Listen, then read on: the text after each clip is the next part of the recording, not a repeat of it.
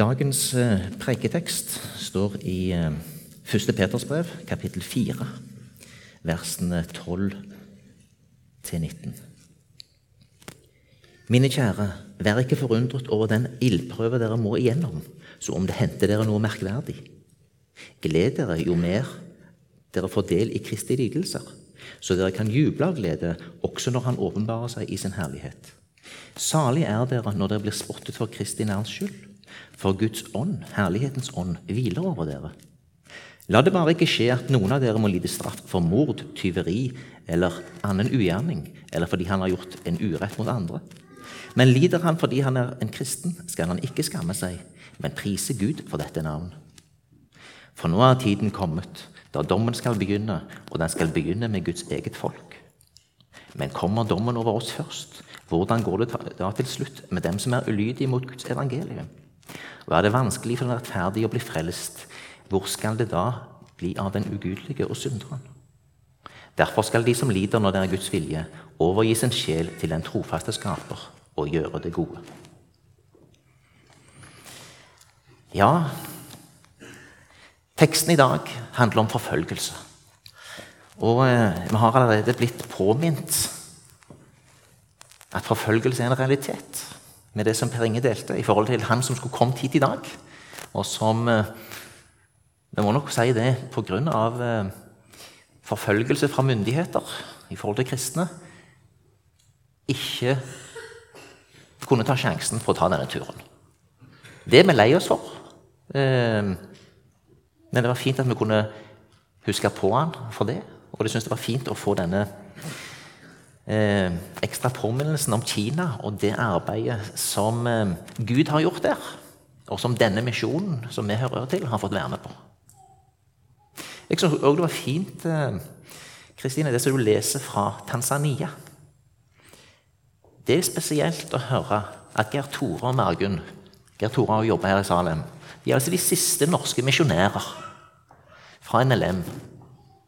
I dette som har vært området som han har vært i siden eh, slutten av 40-tallet. Så er det litt sårt for de som da ser at ennå er det mye ugjort. Høsten er stor, arbeiderne få. Så må en ta harde prioriteringer hvor man skal bruke ressursene. Jeg må si Det er spennende å være en del av Norsk Luthersk Misjonssamband. Det syder og bobler både når det gjelder forsamlingstenkning og bygging, misjonsstrategi, endringer som en, der må ta en del tøffe valg. Og så er det jo også litt spesielt å se på disse ulike feltene, hvor forskjellig det har blitt. For i Kina så tok en ikke noen beslutninger. Der var det kommunistene som tok beslutningene for en. Der blir han jagd ut. Der står han igjen og lurer på hva var det som skjedde etter nesten 60 år i Kina. Hva var det som skjedde? Men Gud hadde en plan. Han hadde både en plan med de han sendte, de han brukte der i alle disse årene. Men han hadde òg en plan for de som ble igjen, og som var nasjonale kinesiske kristne. Gud har kontroll. Og så er det spennende å se nå når en må ta disse tøffe beslutningene om kanskje forlate et arbeid som en ikke føler er helt ferdig, men der en allikevel i tøffe prioriteringer velger å gå til nye eh, eh, områder der evangeliet er mye mindre kjent enn i de områdene en forlater. Det var spennende å sitte og snakke med en ung misjonær som var så takknemlig for støtten fra NLM i forhold til misjonen som de fikk være med på i et sensitivt område der eh, NLM har lagt det veldig godt til rette for dem. Og han erfarte virkelig at folk i området i denne byen der de var, er nysgjerrige på de kristne. De ser annerledes ut, og de er nysgjerrige og interessert i å vite. Som han sier, det er litt annerledes enn det jeg opplever her i Norge. Der du først må forklare deg og forsvare deg og kanskje unnskylde deg før du greier å få en eller annen form for dialog. Her kommer de til oss. Muligheten er der. Muligheten er der. Og det får NLM være med på eh, i eh, mange områder. Teksten, teksten i dag handler om forfølgelse. Tekstene som Kari leste, er òg tydelige på dette. Og Første Peters brev, hele brevet, er et brev som har dette som et hovedtema. Eh, I begynnelsen av første Peters brev så står det følgende Peter, Jesu Kristi apostel, hilser de utvalgte som lever i fremmed land, spredt omkring i Pontus, Galatia, Kappadokia, Asia og Betynia. Han hilser de utvalgte. Han har sendt et brev til disse. Dette er et svært område. Det er ikke bare et kart som vi greier å få opp. Han hilser menigheten i Pontus. Begynner helt oppe eh, der i nord. Kappadokia, Galatia, Asia, Betynia. Så går han helt rundt igjen. Hele det store området her. Dette er jo dagens Tyrkia. Vi snakker om hele det nordlige Tyrkia. Et svært område. Han sender, han sender dette brevet som et sirkulære til mange, mange små menigheter og grupperinger i dette området. Dette er et svært område. altså. Det er Svartehavet der nord. Um, og det var nok mange små flokker som trengte å bli satt mot dem. De opplevde nok ikke her direkte myndighetsforfølgelse, men de opplevde altså motbør de luxe. De opplevde at det var rimelig krevende å leve det kristne livet i uh, hedenske kulturer. De opplevde motstand, forfølgelse på ulikt vis. Når vi ser da lenger sørvest der, så ser vi jo Der har vi jo menighetene samla som eh, blir eh, adressert i Johannes' åpenbaring. Og det er jo interessant for å si sånn, Noe vi snakker om forfølgelse. Tyrkia i dag 150 000 kanskje, maks som bærer kristennavnet. En god del ortodokse. Veldig få, noen få tusen evangelikale kristne. Eh, hadde det vært opp til meg, så, så kunne jo NLM godt starte et arbeid her òg. Eh, men eh, dere som eventuelt reiser på ferie til Tyrkia Noen som har vært i Tyrkia? Selv har jeg aldri vært i Tyrkia. Jeg har vært i Danmark. Eh, hvis dere tar en tur hit Tenk på det. Be for landet dere er der. Reis gjerne på ferietur til Tyrkia. Jeg vet ikke om en uh, lett kommer seg rundt overalt med leiebiler og alt, men jeg vil jo tro det. Be for landet. Det er et land som har stor eh, betydning historisk i kristenheten. Men det er et land som eh, har en tøff leder, der motstanden mot de kristne er stor og der det nok er veldig mye på samme vis som det var for de kristne den gang. At det er upopulært. Det er ikke spesielt populært å være kristen. Og det er disse som, som er i nord der, som Peter da adresserer dette brevet til. Og Jeg vil lese litt videre det som står i Peters første brev, første kapittel. Han setter mot i dem. Det er hans prosjekt. De som er utvalgt slik Gud Fader forut hadde bestemt, over Ånden innviet til lydighet og til å bli renset ved Jesu Kristi blod, måtte dere få nåde og fred i rikt mål. Så kommer dette verset, disse versene som leses i barnedåper og ved begravelser. Lovet være Gud, vår Herre Jesu Kristi Far, Han som i sin rike miskunn har født oss på ny og gitt oss et levende håp ved Jesu Kristi oppstandelse fra de døde. Vi skal få en arv som aldri forgår og ikke flekkes til eller visner. Den er gjemt i himmelen for dere, som gjennom Guds kraft blir bevart ved troen, så dere skal nå fram til frelsen. Den ligger alt ferdig til å åpenbares ved tidens ende. Wow! For et trøkk som Peter begynner med! Og det er ikke uten grunn. For dette er en gjeng med kristne som er sårbare. De trenger å bli satt mot dem. Og Peter bruker hele sin apostoliske autoritet.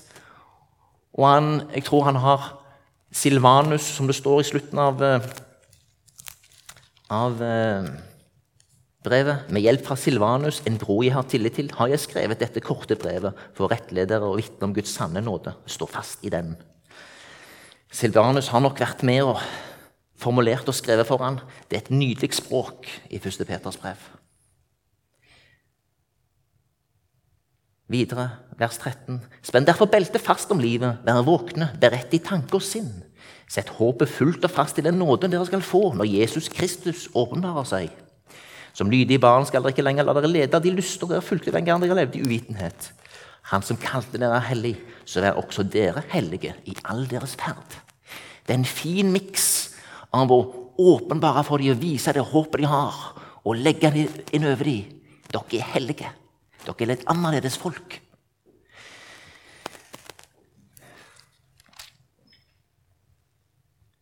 Første Peter i begynnelsen av vers kapittel 2. Legg derfor bort all ondskap, falskhet og hykleri, misunnelse og sladder. Som nyfødte barn skal dere lengte etter den ekte åndelige melk, så dere kan vokse ved den til frelsen er nådd. Dere har jo smakt at Herren er god. Han påminner de det de har smakt. Han påminner de det de har fått. Kom til ham, den levende stein, som vel ble vraket av mennesker, men er utvalgt og dyrebar for Gud. Vær selv levende steiner som bygges opp til et åndelig tempel. Bli et hellig presteskap og bær fram åndelige offer som Gud gjerne tar imot ved Jesus Kristus. Kom til ham, den levende stein. Kom til hjørnesteinen. Kom til Kristus. Og vær sjøl levende steiner som bygges opp til et åndelig tempel mer fortetta og finere om hva det kristne fellesskapet er, skal det vel godt gjøres å beskrive det. Kom til Han, den levende, og bli sjøl levende. Og ikke en sånn ensom stein, nei da, men en stein i et byggverk. Steiner som holder sammen. For det heter i Skriften, se, jeg legger på Sion en hjørnestein, utvalgt og dyrebar. Den som tror på ham, skal ikke bli til skamme. Altså blir den til ære for dere som tror, men for den som ikke tror, er den stein bygningsmennene vraket, blitt til hjørnestein. De har en snublestein og en klippe til fall. Fordi de ikke tror på ordet, snubler de. Det var de bestemt til. Men dere er en utmerket slekt, et kongelig presteskap, et hellig folk, et folk som er Guds eiendom, for at dere skal forkynne Hans store verk, Han som kalte dere fra mørket til sitt underfulle lys. Før var dere ikke et folk, men nå er dere blitt Guds folk. Før hadde dere ikke fått barmhjertighet, men nå har dere funnet barmhjertighet. Halleluja! For en storhet! De er kalt til å være Guds folk, og de har funnet barmhjertighet. Tilbake til de versene i 1. Peter som konkret er teksten i dag. Vær ikke forundret over den ildprøve dere må igjennom, som det hendte dere noe merkverdig. Paulus prøver her å flytte fokuset deres fra ja, å fokusere på deres egen uh, vanskelige situasjon, til å løfte blikket og si Vær ikke forundra over dette her. Gled dere jo mer dere får del i Kristi lidelse, så dere kan juble av glede, også når Han åpenbarer seg i sin herlighet. Salig er dere når dere blir spottet for Kristi navns skyld, for Guds ånd, herlighetens ånd, hviler over dere. De er ikke alene. Det bekreftes veldig sterkt her, det som eh, Jesus hadde lovt disiplene. De var ikke alene. Talsmannen skulle komme.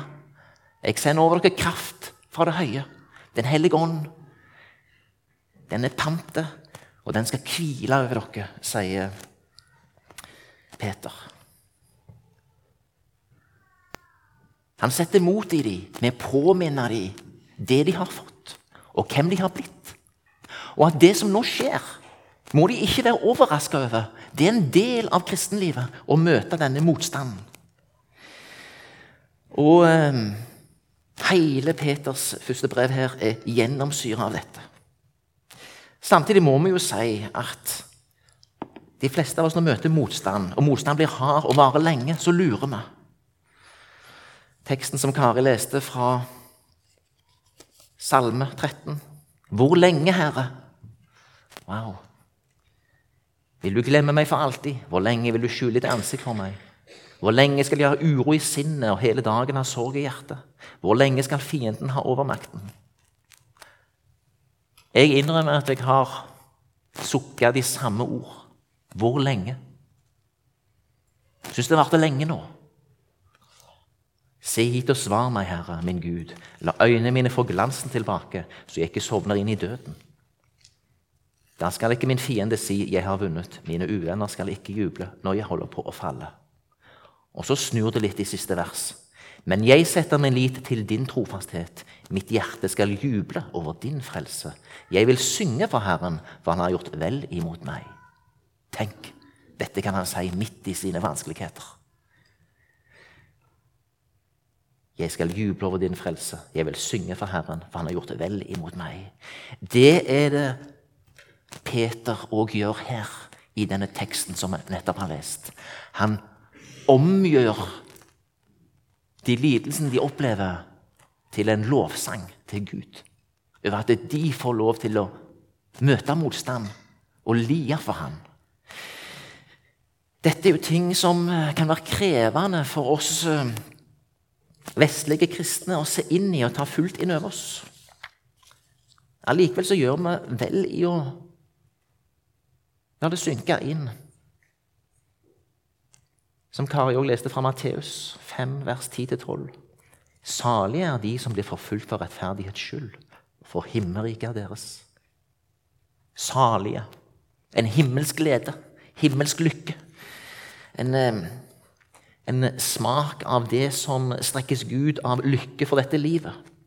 Ja, Salig er dere når de for min skyld håner og forfølger dere, lyver på dere og snakker rundt om dere på alle vis. Gled og fry dere, for stor er den lønn dere har i himmelen. Slik forfulgte de også profetene før dere.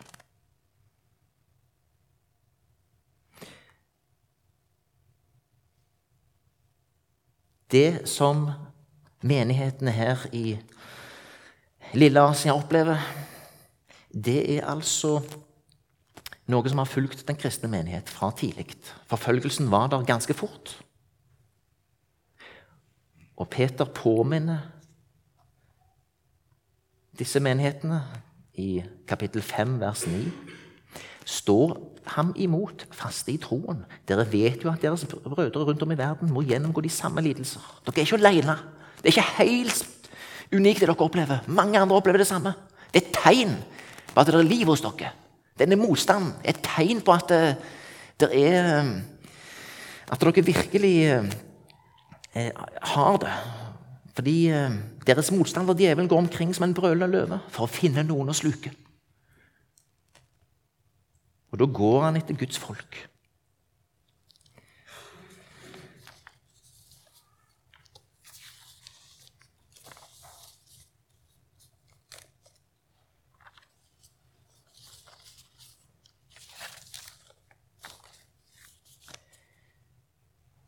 Disse i eh, de ulike menighetene her i Lille Asia de opplevde nok ikke mye sånn direkte myndighetsforfølgelse.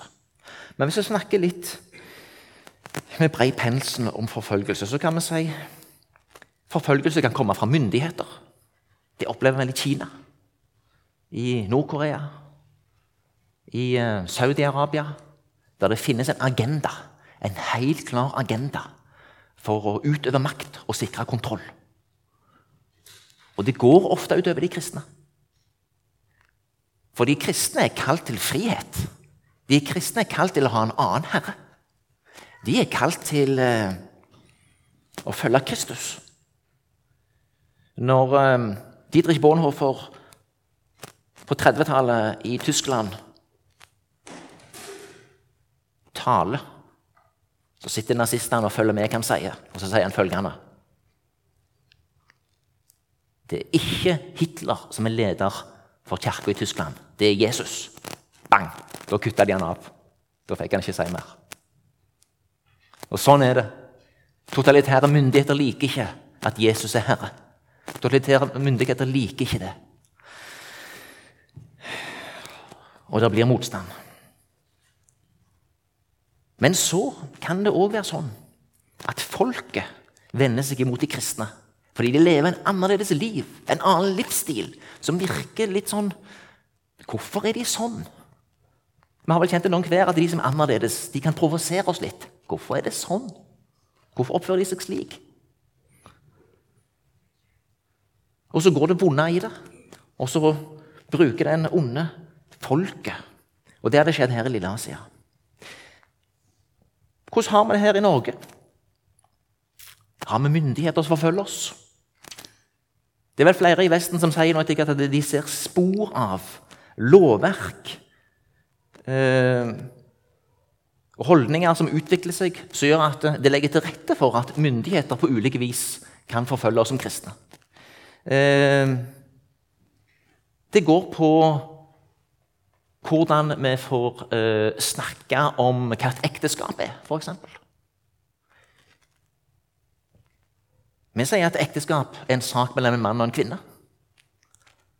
Men vi nærmer oss lovverk der det er diskriminering å si at det er sånn. Og da er vi over i et nytt lende. Det er lenge siden vi har vært der i Norge. Vi har hatt uh, gode lover i uh, mange hundre år som har bygd på minimum at Gud finnes. Og at uh, Gud har en plass i det hele, og Guds ord på ulikt vis, direkte og indirekte, har òg prega lovverket. Det er i endring. Når det gjelder folket, da, opplever vi motstand der? Ja, på ulikt vis. Jeg er sjøl født på 60-tallet. Jeg har snakket med flere som sier at på 70-tallet så var det mange som opplevde mye sånn at det var en veldig sånn antistemning mot det kristne. Eh, I, I opinion og i veldig mange sånne sammenhenger. Jeg tror jeg merka det. Jeg vet om mange som på 70-tallet ble mobba på skolen. Det, det har sikkert skjedd seinere òg, men nå er jeg langt ute i uh, på viddene, men vi kan jo tenke oss autoritetsopprøret på 60-tallet. Skapte et skille der alt av autoriteter, inkludert kristne autoriteter, ble veldig, eh, fikk skylda for alt. Det har besinna seg, endra seg. Men eh, jeg tror vi lever i ei tid, særlig i Vesten, der Gud er kommet så på avstand i folket og for myndighetene at vi som kristne i Vesten må ha beredskap for at forfølgelsen blir tydeligere både fra myndigheter og fra folk rundt oss. Ehm, derfor er disse tekstene òg til oss. Et siste punkt jeg må ta med der i forhold til eh, forfølgelse, det er forfølgelse fra andre kristne. Den onde vil gjerne sette kristne opp mot hverandre. Skape mye splid. Konflikter i kirker, konflikter i administrasjoner i kirkene, konflikter mellom ulike grupperinger i kirkene. Dette er av den onde. Vi blir mye sintere på andre kristne som ikke tenker helt likt oss, enn vi blir på en vanlig hedning. Vi blir, eh, kan hisse oss mye mer opp over andre kristne som mener noe litt annerledes enn oss, enn over de som står utenfor. Vi forventer kanskje bedre, men, men her ligger det noe. En særskilt sak som vi må passe oss for i kristne miljø, det er det er maktmennesket. Her tror jeg kanskje vi av og til ikke blir forfulgt, men litt forført. Vi ser ikke klart strukturene. Vi ser ikke klart hvordan det onde gjennom mennesker kan binde opp en hel forsamling, et helt kristent fellesskap. Eh, dette er en stor fare, særlig i la meg si, bibeltroende miljøer, der noen sterke personer med alle korrekte meninger får lov til å styre veldig mye. Dette tror jeg er en, en sak som bare kommer mer og mer, og som Hvis vi vil være den sanne kirka, så må vi både adressere forfølgelsen som finnes på innsida, for å kunne være ei sann kirke, sant ut i uh, folket. En ting, ting, vi kan ta med her, det er jo eh, noe som vel eh, har opplevd i kristendomskulturer som har fått leve lenge. Det er um, kristnes manglende evne til å opptre klokt i møte med ikke-kristne. Hvis vi tar um, Paulus her i Kolosserbrevet, så sier han noe litt klokt i kapittel uh, fire. Versene fem og seks i Kolosserbrevet, kapittel fire, vers fem og seks. La alle mennesker få merke at dere er vennlige. Herren er nær. Vær ikke bekymret for noe, men la alt som ligger der på hjertet, komme fram for Gud i bønn og påkallelse med takk. Nei, nå leste jeg feil. Leste her. Kapittel 4 i Kolosserbrevet. Vis forstand i omgang med dem som står utenfor, og kjøp den rette tid. Ta en alltid vennlige ord, men la dem ha salt og kraft, så dere vet hvordan dere skal svare hver enkelt. Vis forstand i omgang med dem som står utenfor, og kjøp den rette tid. Tal alltid vennlige ord, men la dem ha salt og kraft, så dere vet hvordan dere skal svare hver enkelt. Her tror jeg en viktig ting å påminne oss. Det er følgende. Noen kan opptre som busemenn og eh, elefanter i glasshus og som, eh, med lite takt og tone. Og når de da møter motstand, og folk irriterer seg skikkelig, så tolker de det som forfølgelse. Det er det jo ikke. Det er bare dårlig oppførsel.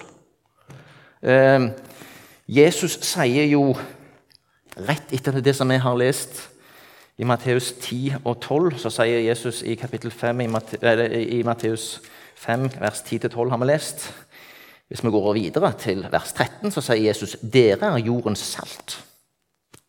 Det ser ut for at noen av og til har misforstått det ordet og sier dere er jordens chilipepper. Det er jo noe annet.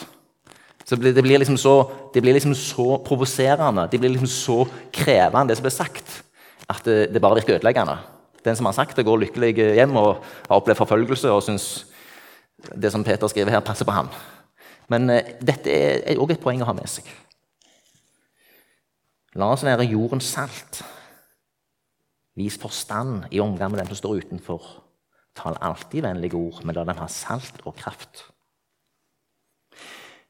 Hvis vi går litt videre Den største faren for oss foreløpig som kristne, det er her i Vesten Ole har sagt det før. Andre sier det. Det er ikke nødvendigvis forfølgelsen, men det er forførelsen. Det er latskapen, likegyldigheten, opptatt av seg og sitt. Um, og på den måten vil den onde lure oss. Vi skal ha beredskap for den sanne forfølgelse. Men gjennom å først bli forført legger vi til rette for ny forfølgelse. Hvis vi er jordens salt, så kan vi stå dette imot. Og eh, det er noen vers som står hos profeten Haggai. Profeten Haggai er jo ikke av de største profeter. Han virka i en kort periode. Tenk på, eh, tenk på den godeste Jeremia han holdt på i over 40 år. Vi vestlige kristne kunne tenke oss kanskje heller å ha hatt en sånn Haggai-tjeneste. Den varte i tre måneder. Men det var likevel en viktig tjeneste.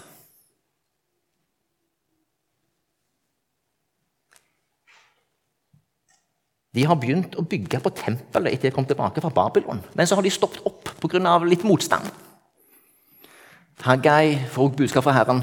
Ah, 'Dere har gitt dere for lett.' Dere har gitt dere for lett. Dere må stole på meg. Dere må gi litt gass her nå, altså. Og så kommer budskapet fra Haggai. Er det tid for dere til å bo i bordkledde hus så lenge tempelet ligger i grus? Nå sier Herren allherrs Gud, legg merke til hvordan det går dere. Dere sår mye, men høster lite. Dere spiser, men blir ikke mette. Dere drikker, men slokker ikke tørsten. Dere kler dere, men blir ikke varme. Og leiekaren får sin lønn i en pung som ikke er tett. Så sier Herren, alle hans Gud, legg merke til hvordan det går dere. Dra opp i fjellet og hent tømmer. Bygg tempelet, så vil jeg ha behag i det. Og vise min herlighet der, sier Herren. Dere venter mye, men se, det blir lite. Dere får de hus, men jeg blåser det bort. Hvorfor, sier Herren, allherrs Gud? Fordi mitt tempel ligger i grus, mens dere er travelt opptatt hver med sitt eget hus. Derfor holder himmelen duggen tilbake, og jorden gir ikke grøde.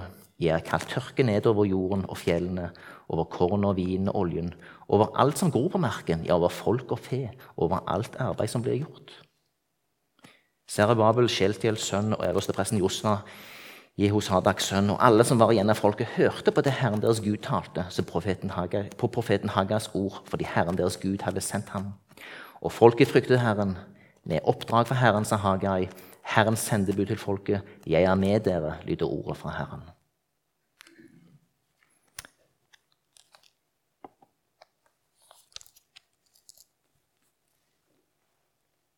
Hvis vi oppsummerer litt Forfølgelsen, motstanden, har fulgt kristne gjennom alle tider. Jesus sier det, at vi skal møte motstand.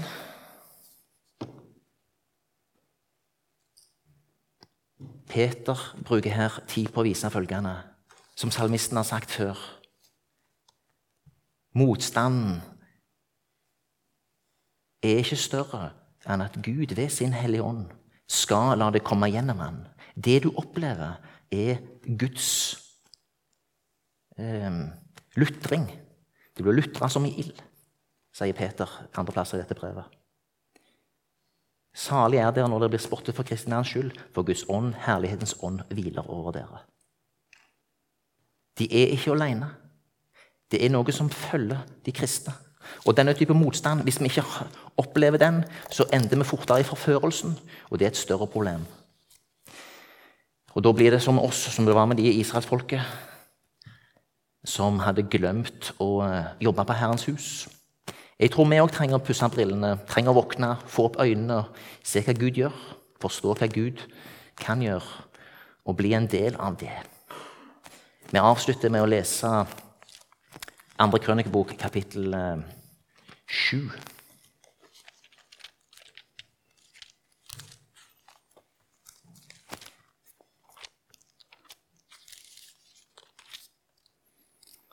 Fra vers 11.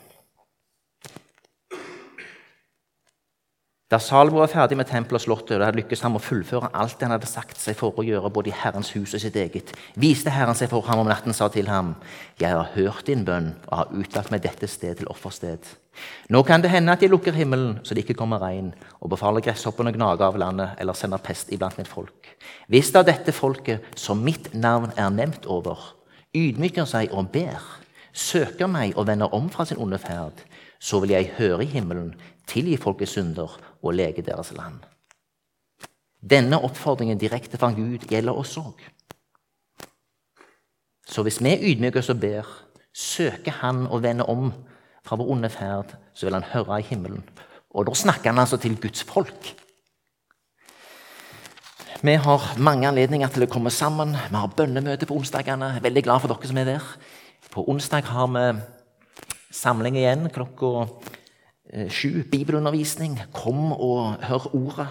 Magne Vatland taler over Ruths bok, del 1. Torsdag er det spesiell samling for de som er foreldre. Og hvordan å være den kristne familie. La oss komme sammen, la oss bygge hverandre. Vi trenger å ydmyke oss for Herren. Vi ber. Herre, takk for ditt ord.